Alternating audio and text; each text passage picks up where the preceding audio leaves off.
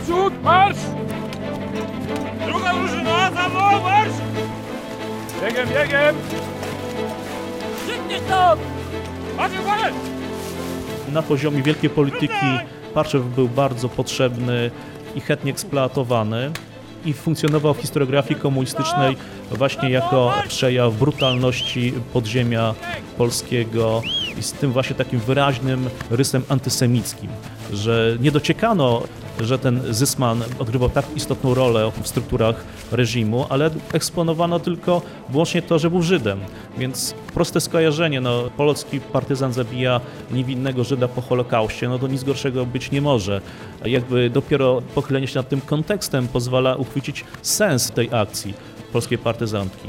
Na czele który wkroczył jastrząb Leon Taraszkiewicz 5 lutego 1946 roku do Parczewa. Także to jest bardziej złożona historia. RKM za mną! Ognia! Amunicja do RKM-u! Jest amunicja! Ognia! Do lobby jedźcie! Ognia!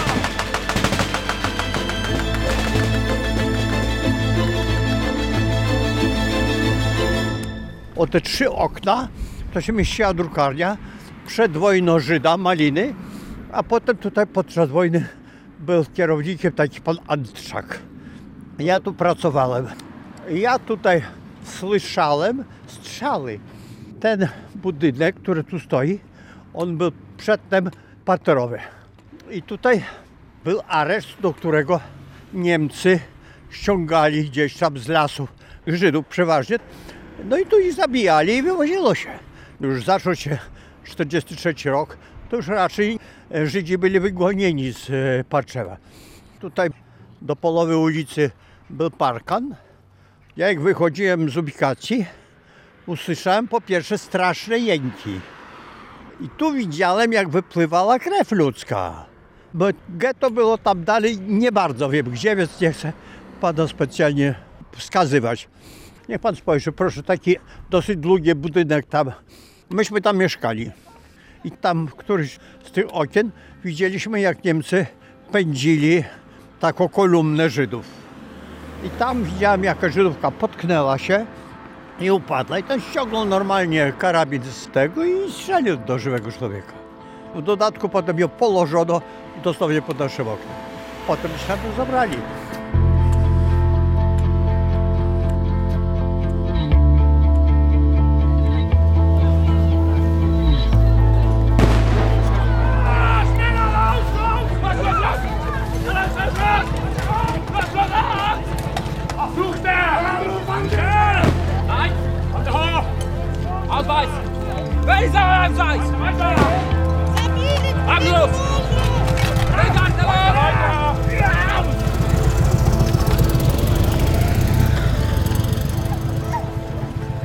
Dzielnica żydowska, parczeska, to nie były mury, zasieki, które jakby wydzielały pewien kwartał zabudowy Parczewa. Więc e, w momencie likwidacji skupisk em, ludności żydowskiej w 1942 roku, w odruchu samoobrony i takim pędzie do życia pojawiły się pomysły ucieczki do największego kompleksu leśnego, do lasów parczeskich, z czego skorzystało, tu też są różne szacunki, ale powiedzmy od kilkuset do nawet dwóch, trzech tysięcy Żydów, którzy próbowali przetrwać okupację ponieważ powstał obóz rodzinny. No wiemy, że nie tylko mężczyźni uciekali, ale też kobiety z dziećmi, osoby starsze. To się wiązało z koniecznością aprowizacji, to się wiązało z koniecznością dozbrojenia też osób, które miały chronić tych ludzi. No przecież obławy niemieckie były ponawiane, przeczesywanie kompleksu leśnego. To z czasem się wpisywało w konflikt polityczny w generalnym gubernatorstwie między podziemiem polskim, Armią Krajową, NSZ-em, a agenturą prosowiecką PPR-em GLAL i partyzantką sowiecką. I w ten konflikt również zostali wciągnięci Żydzi.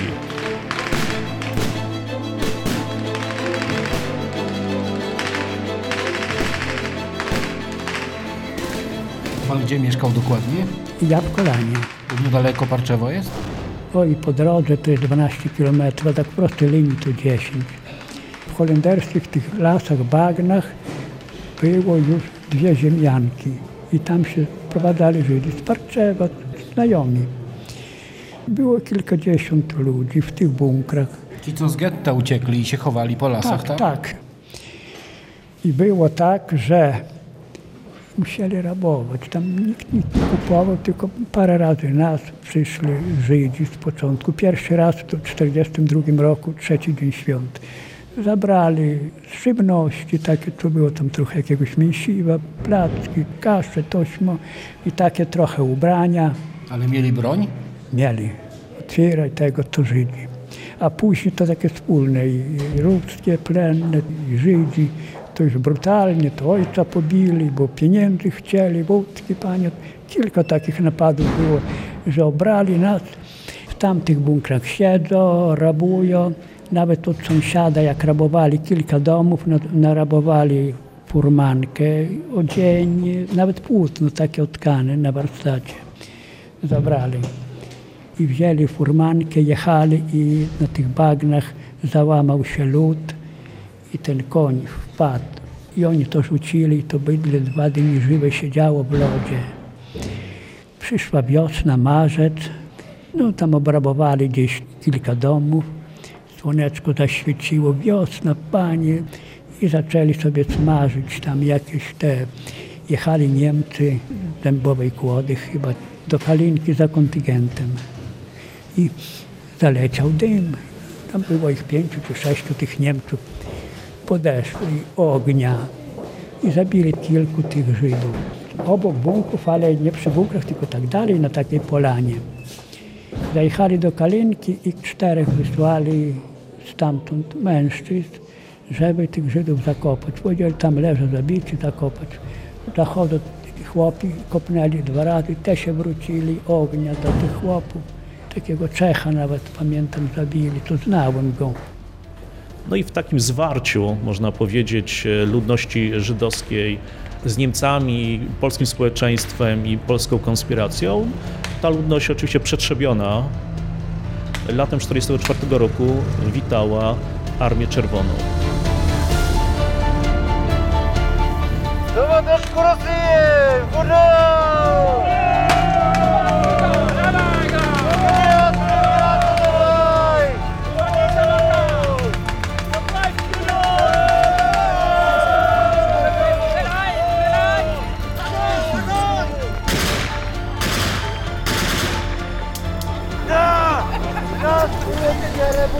Sowiecka! Hurra! E, Żydzi komuniści też wdrażali projekty komunistyczne w obrębie własnej grupy etniczno-religijnej. A to się nie musiało podobać wszystkim Żydom. Oni przyzwyczajeni byli do świata wyniesionego z II Rzeczpospolitej pewnej wolności. Więc to nie jest tak, że 200 Żydów w Warszawie było 200 komunistami. W tej grupie też były osoby, które miały sympatie na przykład antykomunistyczne, ale żyły pod terrorem presją tych uprzywilejowanych swoich rodaków związanych z PPR-em. To była kwestia szukania wyjścia z tej matni, w którą oni wpadli. A ponieważ był to rekrut dla partyzantki komunistycznej idealny, stąd nastąpiła symbioza i zbieżność interesów zdesperowanych Żydów w Lasach Parczeskich, a pewnym projektem politycznym realizowanym przez komunistów z Polskiej Partii Robotniczej w tych stronach. Warto pamiętać, że w przypadku Lasów Parczeskich wykształcił się podczas okupacji niemieckiej pewien typ Żyda mściciela, Żyda partyzanta. Ci Żydzi, którzy dostali broń, oni z tej broni nie chcieli rezygnować latem 1944 roku. Oni ją sobie zostawili.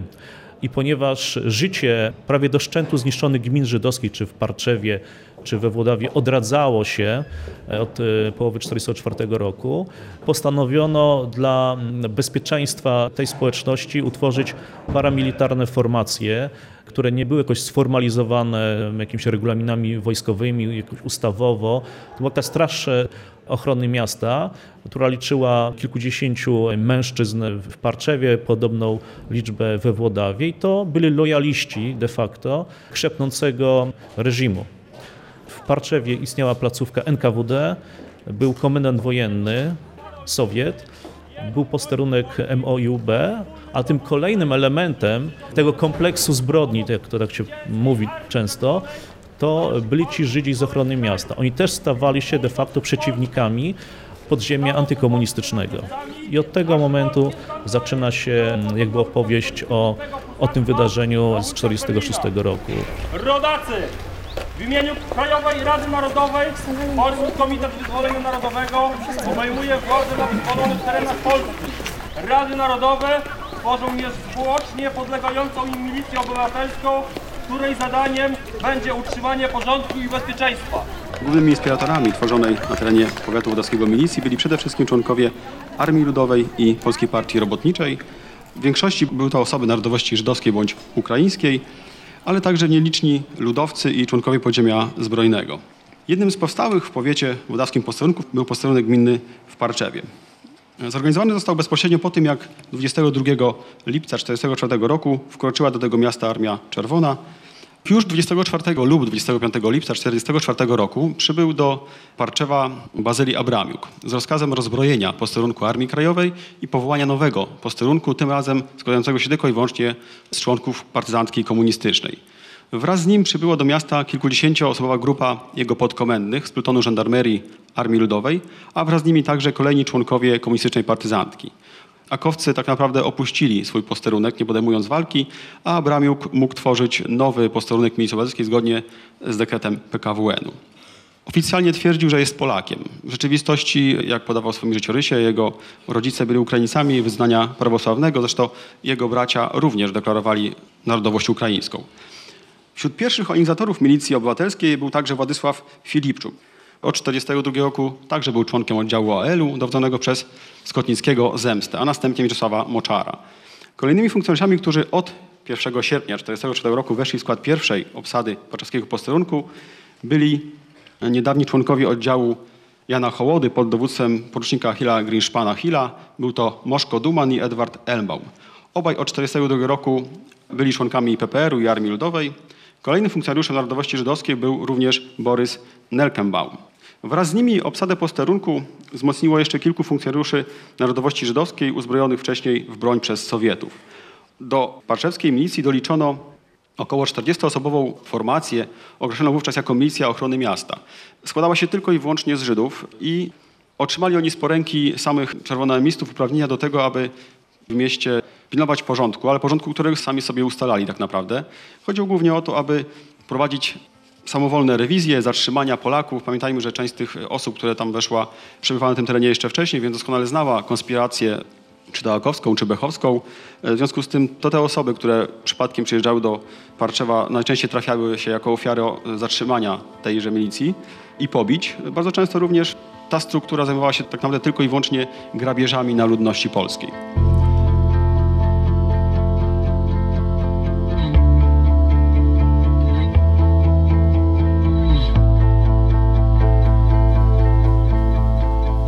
To była ta sytuacja dość anormalna. Znaczy, o ile ten milicjant czy ubek reprezentował reżim, miał jakiś mundur albo go nie miał, miał opaskę biało-czerwoną i chodził z karabinem po Parczewie i był tak odbierany przez mieszkańców, że on reprezentuje to, to władzę, to w przypadku Straży Żydowskiej to była sytuacja dla wielu niezrozumiała, dlaczego ludność cywilna pochodzenia żydowskiego posiada karabiny, ma je pod ręką, w każdej chwili może użyć, a ich e, polski sąsiad jest e, tego pozbawiony formalnie. No nie było zgody, bo to nawet, e, proszę pamiętać, to było przed Ormo. Ormo powstało w 1946 roku, a takie szturmówki lojalistów, bo komunistom brakowało ludzi, którzy by ich popierali, więc każda grupa społeczna czy etniczna była im na rękę, jeżeli się odwoływała do ich pomysłu na państwo polskie, powojenne, zależne od Kremla.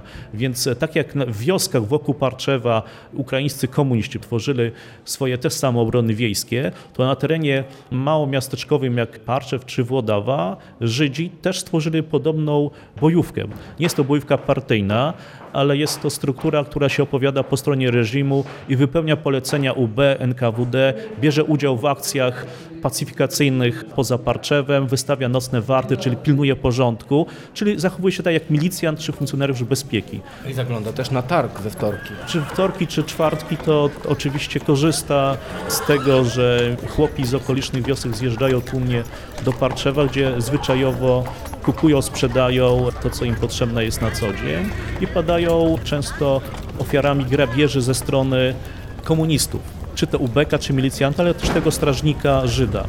Co powoduje, że ponieważ ten proceder się nasila, to doskwiera miejscowym, prawda? Bo to nie jest wielka polityka w tym momencie, to jest taka codzienność, z którą muszą sobie radzić mieszkańcy Parczewa. Warto pamiętać, że na czele ochrony miasta stał przedwojenny tragarz Abram Zysman, zwany Bocianem.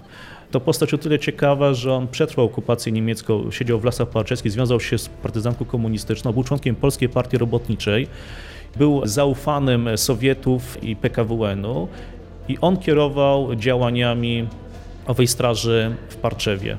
I on był tym, na który później podziemie wydało wyrok polskie. Między 44 rokiem od lata, a po luty 46 roku tyle się nazbierało na sumieniu tegoż e, Abrama Zysmana, że wreszcie zapadła decyzja odwlekana, żeby polskie podziemie niepodległościowe wkroczyło do Parczewa i zaprowadziło porządek, wymierzyło sprawiedliwość. Pierwsza drużyna artylerierą za mną.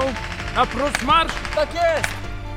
Panowie, wojsko! Wojsko, uciekajcie, bo chałupę mi spalą! Przed wojną poznałem Żyda Bociana. Tęgie chłopistko i mnie zaciekawie było mały. U ojca za rękę się trzymałem, że miał tragarz napisane na tym. Na czapce. Na czapce. Później jak się związał z to partyzancko, jak Żydzi zaczęli budować sobie te schrony w parczeskich lasach, to on tam dużo roli odgrywał. I jak się ta władza ludowa tu już ukonstytuowała, to on był w UB i bardzo był zaangażowany w tępienie Polaków.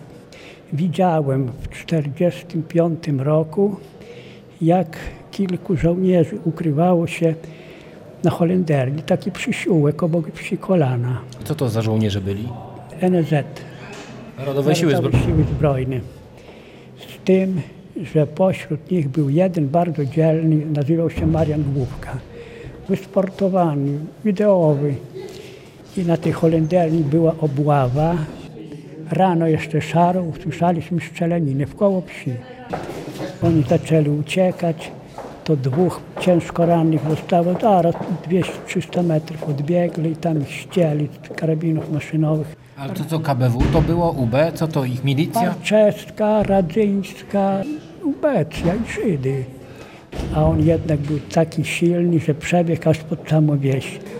A Bocian, jak ten uciekał już był pod samą wsią, to ten objechał go koniem i tak na niego wjeżdżał. On się tak odchylał, ten główka on się nazywał, odchylał się, a ten z góry mu brrr, sześć kul mu tak przepakował i ten chłopak padł to takie rozpasanie było tych Żydów, jak oni zaczęli, panie w kolanie 5 lutego była obława W 45, w tak? 45. Pisze w książce ten Bechta, 120 ludzi aresztowali i tam niedaleko kościoła taki był plac. Płacz, lament, kobiety idą, tam niosą kawałek chleba, czy jakieś tam ubranie. Niektórzy tam powiązani byli ręce i zrobili selekcję, nie wiem, chyba ze 30. Pognali do, do Parczewa, do Radzynia. Do UB? Tak, tak, tutaj o do tego. O tutaj niedaleko tego budynku, taka biblioteka teraz jest. Tutaj siedzieli, u Bonika w podziemiach.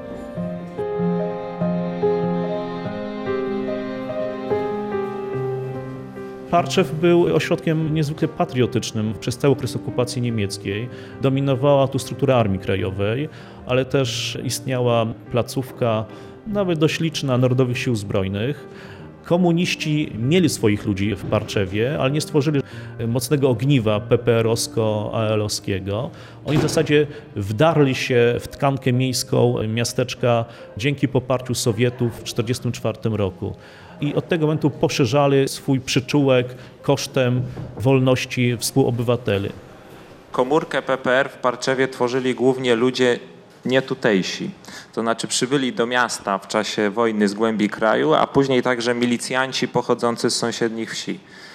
Kluczową rolę odegrała grupa komunistów spod warszawskiego Milanówka, to jeszcze w okresie okupacji, którzy zagrożeni tam aresztowaniem przez Niemców przenieśli się do Parczewa na przełomie 1943-1944 roku. Tutaj pracowali w składnicy z Połem i utrzymywali kontakt z partyzantką komunistyczną w Lasach Parczewskich. I w tej grupie byli m.in. Bolesław Moskalik, Danielski, Jan Żuczkowski, najbardziej później znani i zasłużeni. Natomiast e, kiedy doszło już do tego wyparcia Niemców z Parczewa przez Armię Czerwoną, kilka dni później, 27 lipca 1944 roku, kapitan AL Mikołaj Meluk, pseudonim Kolka, mianował właśnie wspomnianego Danielskiego na stanowisko burmistrza miasta. I tenże Danielski jednocześnie kierował tą komórką PPR-u, ale jego rządy trwały krótko, bo 20 września 1944 roku Danielski został zabity. Prawdopodobnie przez e, żołnierzy Armii Krajowej, ale sprawa jakby do dzisiaj nie została do końca wyjaśniona. I ta sytuacja została wręcz poruszona na najwyższym szczeblu, bo na posiedzeniu biura politycznego KCPPR, które to wtedy w Lublinie funkcjonowało jeszcze, gdzie 9 października Roman Zambrowski mówił, cytuję, z bezpieczeństwem jest tak, że dziś nasza organizacja w Parczewie, licząca 14 osób, zeszła w nielegalność. Burmistrza naszego zabili, innych towarzyszy zredukowali. Dziękujemy serdecznie panu doktorowi za pasjonujący wykład. Polska Partia Robotnicza tutaj była dosyć słaba w tym okresie, bo ona liczyła od kilkunastu do dwudziestu paru członków w mieście i to w głównej mierze byli właśnie milicjanci, ubecy lub ci ludzie z żydowskiej ochrony miasta i, i to między innymi przeciwko nim była skierowana cała akcja Jastrzębia 5 lutego 1946 roku. Chodziło o ukaranie tych kolaborantów z władzą komunistyczną, jednocześnie jakiś sposób ich zastraszenie, że, przytemperowanie, żeby oni nie byli tacy aktywni, żeby nie wydawali Polaków czy ludzi związanych z podziemiem w ręce UB. I to w zasadzie się powiodło, bo rzeczywiście ta organizacja po, po tej akcji była jeszcze słabsza, z tego co nam wiadomo ze źródeł, z dokumentów i tak naprawdę PPR na dobre zaczęła funkcjonować, odbudowała się dopiero w 1948 roku. Dopóki Jastrząb, a następnie Żelazny tutaj praktycznie dominowali w terenie, to te komórki wiejskie wokół Parczewa też nie mogły normalnie działać partyjne, no bo po prostu, krótko mówiąc, byli odpowiednio traktowani czy karani przez oddziały podziemia swoją aktywność komunistyczną. Władza formalnie należała do komunistów w Polsce, a komórki PPR-u w terenie musiały działać w konspiracji, bojąc się podziemia. Także praktycznie tutaj żołnierze wyklęci panowali nad terenem wokół miasta. PPR był praktycznie nieaktywny, więc tam nic się nie działo. Nie było to takiego biura z prawdziwego zdarzenia. Z tego co wiadomo, ono praktycznie było nieczynne, no bo ci sami PPR-owcy wszystkim funkcjonowali właśnie na posterunku, bo byli funkcjonariuszami jednocześnie i praktycznie to ze sobą były zespolone organizacje.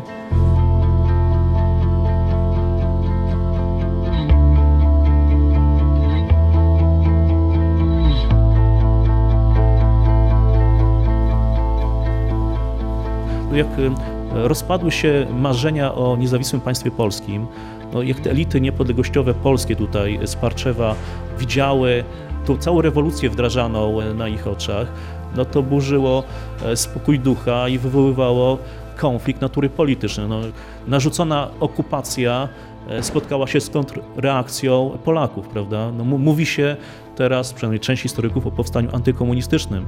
No i przejawem, takim e, zamanifestowaniem tego jest właśnie ta akcja z lutego 1946 roku.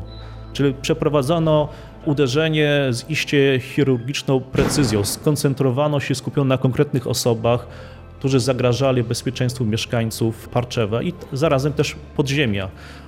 Rozbicie w 6-tysięcznym miasteczku, musimy pamiętać, że ta liczba mieszkańców Parczewa spadła i to prawie o połowę, z tych 10 z hakiem do 6, wymagała pewnej koordynacji działań. Tutaj musiały wejść do akcji osoby partyzanci z dużym już doświadczeniem bojowym, a takich ludzi na co dzień miał Jastrząb Leon Taraszkiewicz w swoim patrolu którym oczywiście pomagali ludzie z miejscowych placówek, z tych osiadłych struktur, jako rezerwa tylko i wyłącznie. No, akcję samą w Parczewie przeprowadzili ci najlepsi.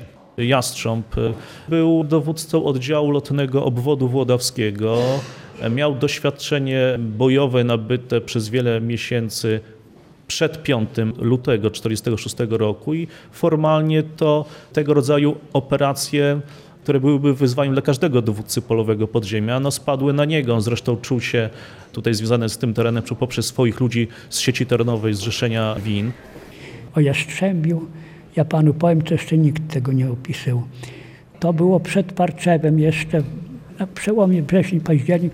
Jastrząb objeżdżał przez Wisznicę, tam rozbroił milicjantów i tu na niego w Jabłonie była zasadzka. Stał CKM, a on jechał samochodem jednym i zobaczył, że tu stoi placówka z bronią. Wyszedł, chusteczko zamachał i pyta się, że bandy szukają i ci nie strzelali. I kazał jechać. Odjechali kawałek, a tam oficer podleciał, że to banda krzyczy, a tam pepeszy tego oficera zabili i prosto do kolana przez las. U mnie rodzice kopali kartofle, jeszcze tam takie o dwie kobiet i za stodoło wypadli ze 30 ubeków w kolanie. No niby to gonić kogoś, postawili karabin maszynowy, brrr, te baby się postraszyły. Uciekał rowerem jakiś taki o ze 300 metrów i dojechał do końca wsi i ci ubecy wstąpili do zagrody takiego pana Mironiuka i ten jastrząb tych upadli ręce do góry, rozbroili ich, a oficera zdjęli buty, położyli na ziemi mulanie takie porządne dali i broń zabrali i puścili ich na piechotę. Nie zabili nikogo. Tylko oficerowie to boso poszli, a tylko dostali o,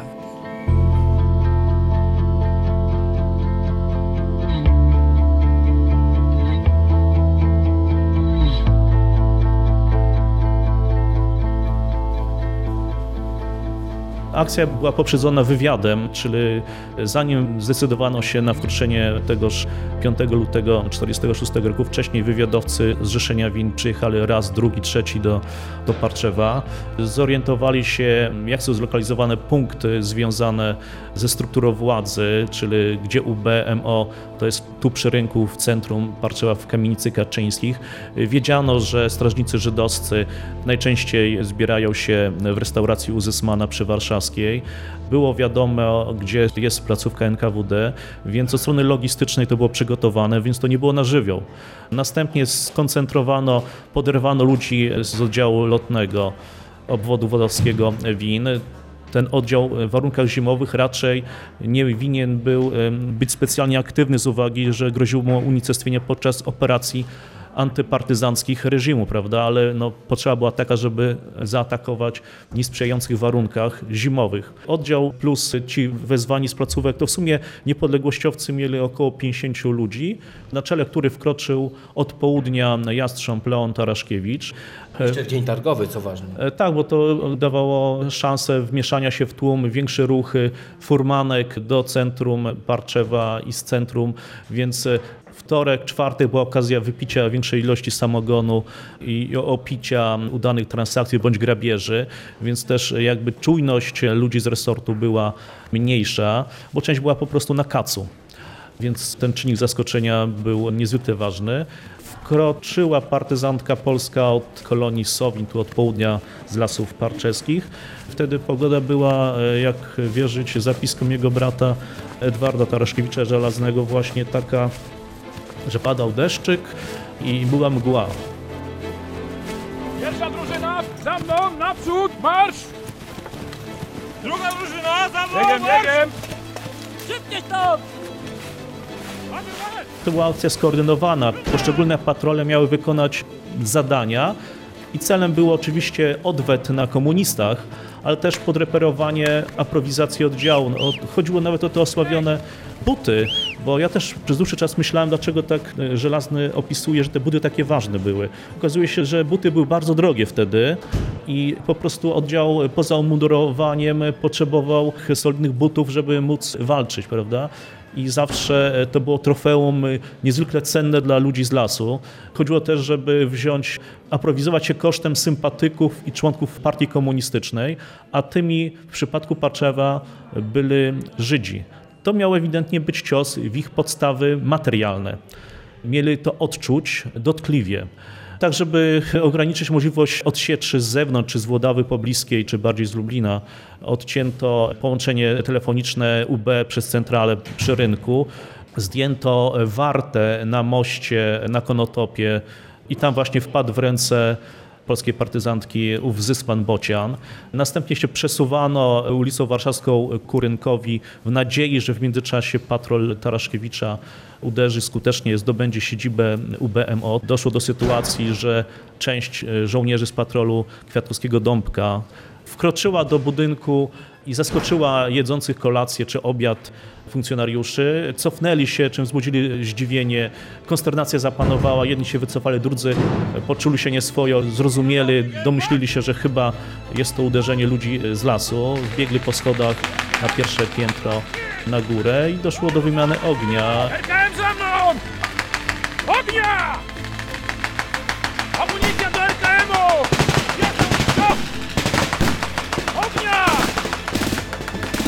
200!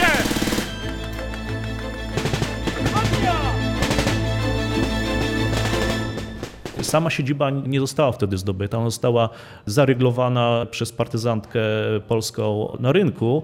Toczyła się walka, zginął wtedy na schodach milicjant Rydzeski.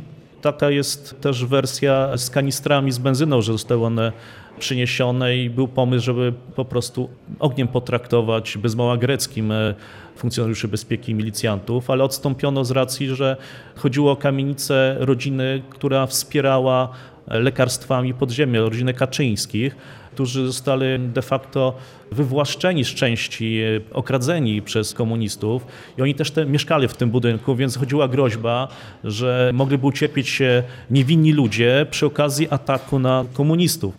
Więc odstąpiono i w zasadzie komuniści tam nie próbowali się przebić na zewnątrz, oni tam trwali w strachu aż do wyjazdu partyzantki polskiej około północy. Na pewno był przyjście Jastrzębia i na pewno, że tam w książce jest podane, nawet cytat jest, że no Tomasz Bielski, czyli mój ojciec, który był w tym czasie księgowym w spółdzielni Rolnik, że zlecił kasjerce, żeby wydała pieniądze dla grupy Jastrzębia. A jak wrócił do domu, to nam opowiada. I naprawdę ja wracałem, bo byłem uczniem wtedy, Myśmy byli przytrzymani nie tyle na siłę, tylko powiedziała, że nie wychodźcie teraz dyrektorka Kiwiorowa, którą później władze usunęły, dlatego że ona była niewygodna dla władz, to kazała nam się wstrzymać. O której wracałem do domu, przestali patrzeć. Mnie się wydaje, że ja najpóźniej mogłem być godzina 20, 21.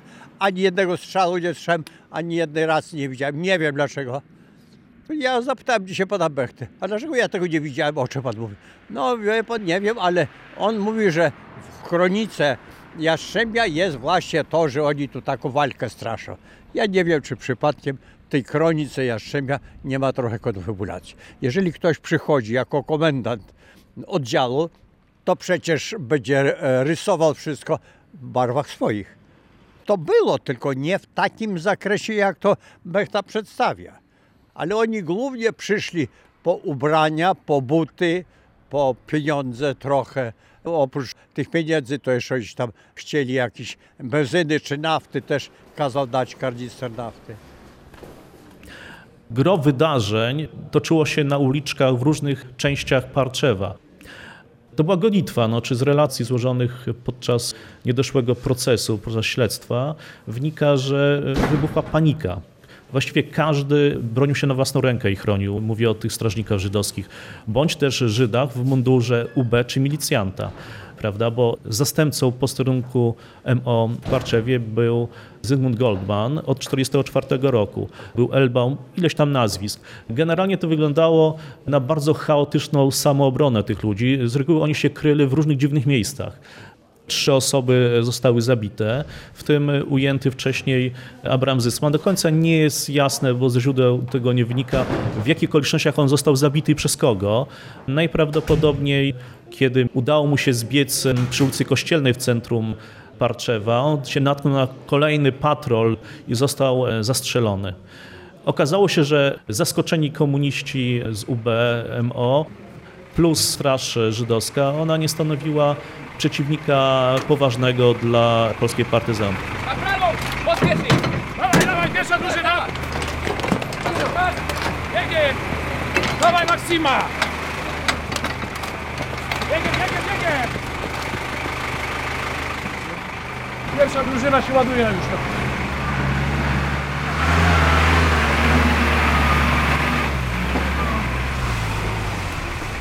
Akcja została przeprowadzona w ciągu kilku godzin, późnym popołudniem trwała do północy, aż do wyjazdu na zdobycznych, zarekwirowanych samochodach spółdzielni tutaj z Parczewa. W tym samym czasie, kiedy Jastrząb zaatakował i opanował Parczew, KBW operowało w sumie 20 km na wschód w kierunku Włodawy, bowiem akcja polskiego podziemia nałożyła się na operację na terytorium aż pięciu powiatów województwa lubelskiego, operacji KBW, UB, NKWD, wymierzonego i w polskie, i w ukraińskie podziemie antykomunistyczne. Na tych zarekwirowanych dwóch samochodach polska partyzantka opuściła Parczew, kierując się na południe w kierunku Sosnowicy i tam się starła z KBW grupą pościgową, która próbowała rozbić oddział Leona, ponosząc no, klęskę za klęską, więc koniec końców pościg okazał się blamarzem grup komunistycznych. Jastrząb e, wyszedł zwycięski ze z tego starcia kolejnego i mógł później swoich ludzi rozpuścić na kwatery, czyli zapaść się, można powiedzieć, pod ziemię, żeby potem znowu wyjść wiosną, przejść do działań ofensywnych przeciwko komunistom, bo cały rok 46 to jest pasmo błyskotliwych sukcesów Taraszkiewicza.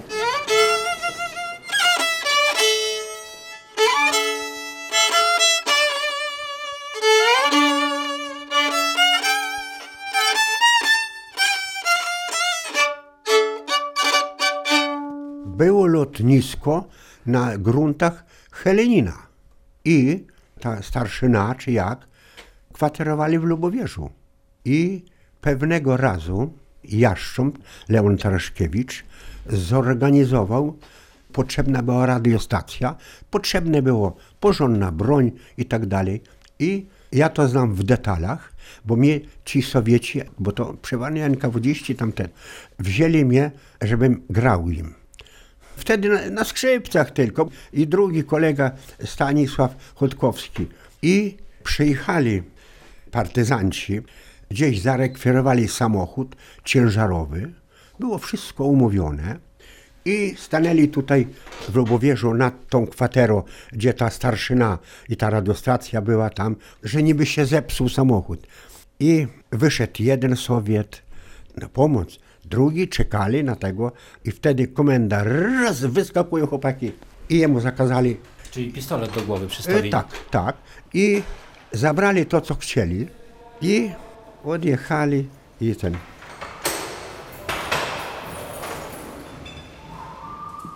Skończyła się wojna, przyszli ruskie. To rozbroili nas. A później to tam w UB trzeba było siedzieć.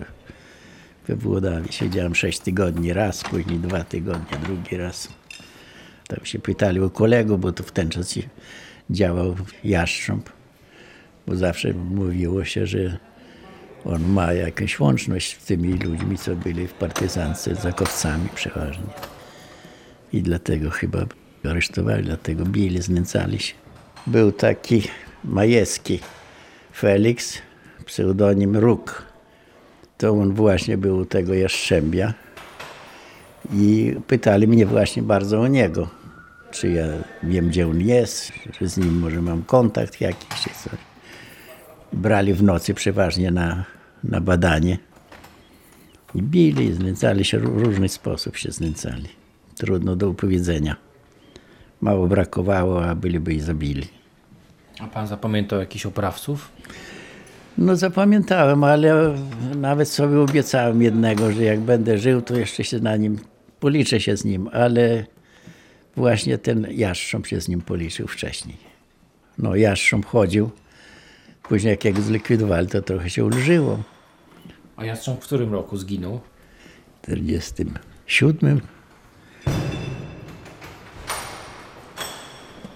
Konsekwencją akcji bojowej polskiego podziemia był eksodus tej resztki około poniżej 200 Żydów, którzy jeszcze wtedy zamieszkiwali Parczew. I dokąd wyjechali? Na Dolny Śląsk, a potem przez zieloną granicę dalej, czy wyjeżdżali do Skandynawii, czy na zachód, czy trafili do Izraela, jak Goldman, czy też do Stanów Zjednoczonych. Rozproszyli się na terytorium kraju, ale też i poza po prostu w pewnym momencie nawet zrezygnowali z afiszowania się swoim komunizmem, PPR-em.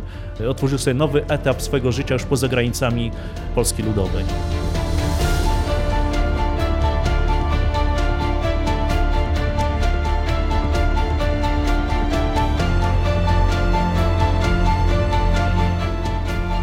akcja, ponieważ ma ten kontekst etniczny, że ofiarami byli Żydzi, to nie zastanawiano się nad jakby powodami, dlaczego ci akurat, e, jakie były przyczyny, że zginęli. Ona była instrumentalizowana przez propagandę e, Polski Ludowej i przedstawiano ją jako przejaw antysemityzmu polskiego podziemia powojennego, czyli band, jak to powszechnie pisano i mówiono. I to było wykorzystywane przez ekipy komunistyczne PPR-u, PZPR-u, które już wtedy, w 1946 roku, korzystając z takich wydarzeń jak parczeskie, poza granicami kraju przedstawiały się jako jedyne, które są zdolne powstrzymać antysemityzm społeczeństwa polskiego, by zyskać poparcie świata międzynarodowego. Po 90 roku, po okrągłym stole, ta akcja też y, była pewną skamieliną i w zasadzie też się zaczęła wpisywać po publicystyce Grossa na temat Jedwabnego, pewne zarzuty formułowane pod adresem polskiego społeczeństwa, że w dużym uproszczeniu dokończyło Holokaust na Żydach po Niemcach po II wojnie światowej. I też tak to było przedstawiane. Jednak jak się historyk zakopie i przekopie przez te archiwalia, zacznie uważnie czytać, to nie jest to takie oczywiste, jakby się publicystom wydawało. My mówimy tylko o Parczewie, ale mamy świadomość, że takich historii było znacznie więcej, tak jak daleko nie szukając w Janowie Podlaskim w marcu 1946 roku też zginęło pięcioro Żydów nad Bugiem z rąk polskiego podziemia i też ówczesne komunikaty agencji żydowskiej mówiły o antysemickim podziemiu i o kolejnym pogromie. To jest pewna optyka strony żydowskiej, która niekoniecznie musi oddawać wiedzę na strony niepodległościowej, prawda? I tutaj trzeba jakby znając argumentację jednej i drugiej strony, to przeanalizować i dać odpowiedź. Więc powstanie powojenne antykomunistyczne, czy to na Podlasiu, na Lubelszczyźnie, no, obfitowało w szereg dramatycznych e, sytuacji. W tym przypadku epatowanie pogromem ma się nijak do faktów. Pogrom to jest zjawisko ulicznego tumultu inspirowanego, że ludność cywilna występuje przeciwko swoim żydowskim sąsiadom i na wielką skalę morduje, prawda, nawiązując do tych pogromów z I wojny światowej. W przypadku Parczewa no to nie mamy takiej sytuacji. Akcja przeprowadza partyzantka, ludność cywilna nie odgrywa żadnej roli, poza tym, że tam wyraża pewien entuzjazm, pokazuje, gdzie kto mieszka z Żydów, w którym miejscu, kto był w PPR-ze, ale też pamiętajmy, że według źródeł żydowskich wiemy, że Żydzi z Parczewa również polskim partyzantom wskazywali swoich współbraci. Jest taki przekaz, że żydowski komunista skarży się, pisząc relacje, że inni Żydzi wskazywali nas, tym antysemitom polskim. A trzeba pamiętać, że to jest jedna z wielu akcji w dorobku bojowym podziemia tutaj Połakowskiego pod dowództwem Taraszkiewicza Jastrzębia. Bynajmniej nie najważniejsza, ale z pewnych względów propagandowych nagłośniona.